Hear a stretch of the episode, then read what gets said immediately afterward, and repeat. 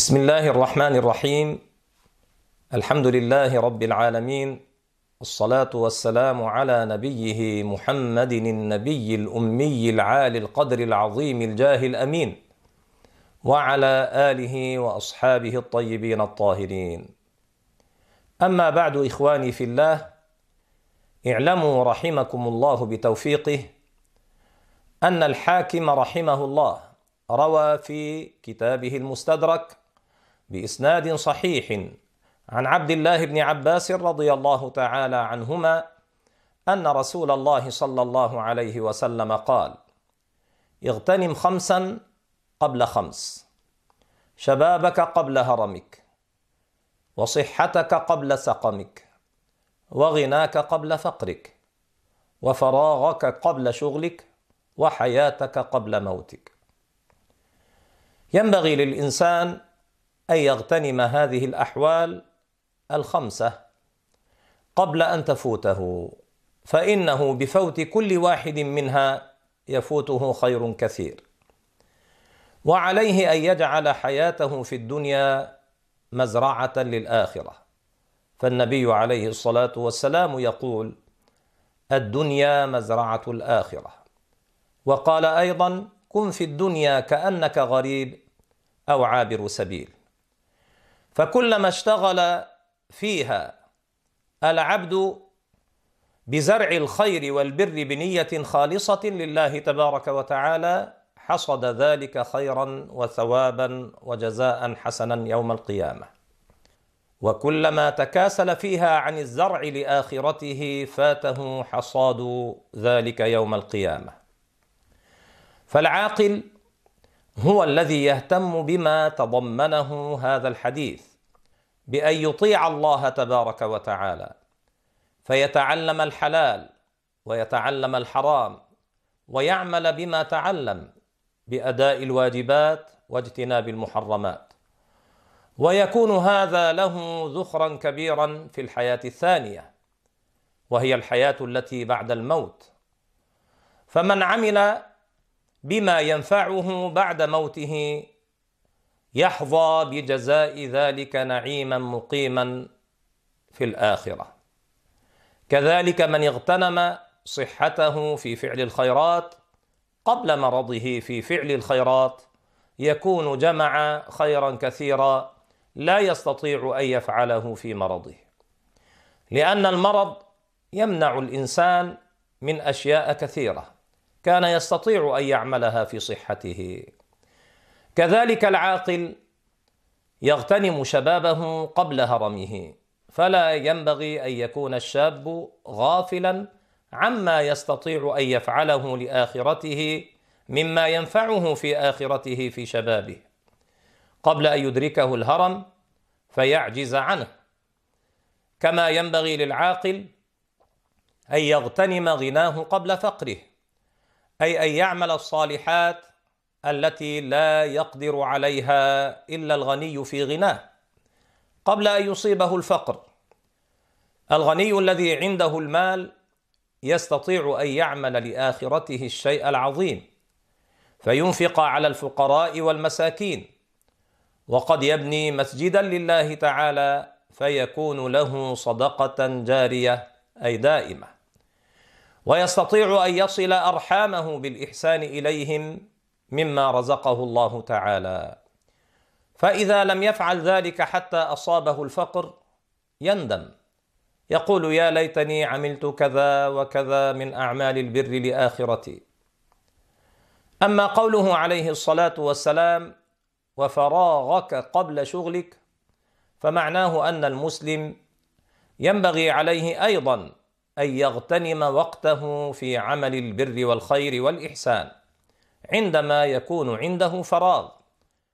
قبل أن يذهب هذا الفراغ وينشغل عنه ويفوته تداركه لأنه لم يعد عنده وقت له.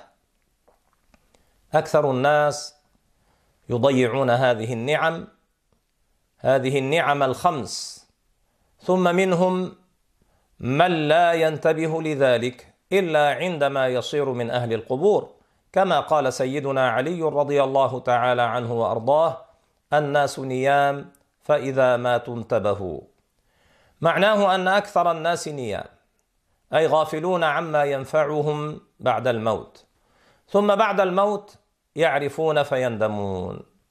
في حال سكرات الموت عند اليأس من الحياة أو بعد أن يدفنوا يندمون. يقول أحدهم يا ليتني أديت ما فرض الله تعالى علي. يا ليتني تجنبت ما حرم الله تعالى علي. هذا معنى قول سيدنا علي بن أبي طالب رضي الله تعالى عنه وأرضاه الناس نيام فإذا ماتوا انتبهوا. وعن عبد الله بن عمر بن الخطاب رضي الله عنهما أنه قال أخذ رسول الله صلى الله عليه وسلم بمنكبي فقال كن في الدنيا كأنك غريب أو عابر سبيل. وكان ابن عمر رضي الله عنهما يقول إذا أمسيت فلا تنتظر الصباح وإذا أصبحت فلا تنتظر المساء. وخذ من صحتك لمرضك ومن حياتك لموتك. وقريب من معنى ذلك ورد حديث آخر وهو قوله عليه الصلاة والسلام كم من مستقبل يوما لا يستكمله. فينبغي أن نشد عزائمنا وأعني الرجال منا والنساء أن نشد عزائمنا في الدعوة إلى الله وفي مكافحة المنكر المنكر في الاعتقاد وهو ما خالف مذهب أهل الحق والمنكر في الأعمال من الأقوال والأفعال. فمن بذل جهده لإنكار الكفريات الشائعة على اختلاف أنواعها فله هذا الأمر العظيم أجر الشهادة. فقد قال عليه الصلاة والسلام المتمسك بسنتي عند فساد أمتي له أجر شهيد. يعني رسول الله صلى الله عليه وسلم بسنته شريعته الغراء أي العقيدة والأحكام. فلا يفوتنكم هذا الأمر العظيم. العاملون بهذه الوصية النبوية في هذه الأيام قليل جدا جدا جدا. قليل في عباد الله وأكثر الناس غافلون. فطوبى لمن عمل بها. طوبى لمن ثبت على الإسلام حتى يأتيه اليقين. فإن الله تبارك وتعالى يقول واعبد ربك حتى يأتيك اليقين أي حتى يأتيك الموت. فطوبى لمن ثبت على الإسلام إلى الممات فإنه لا بد أن يدخل جنة الله دار النعيم المقيم الذي لا انقطاع له. المسلم مهما كانت حالته في الدنيا بعد أن يدخل الجنة يكون من شدة اطمئنان نفسه وعظم نعيمه كأنه لم يمر به في الدنيا بأس قط. ولو كان من أشد الناس بؤسا في هذه الدنيا بمرض وفقر وغير ذلك.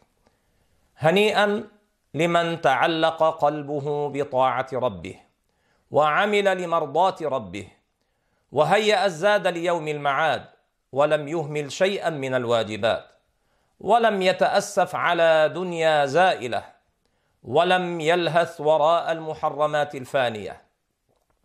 فكم من مستقبل يوما لا يتمه ومنتظر غدا لا يبلغه.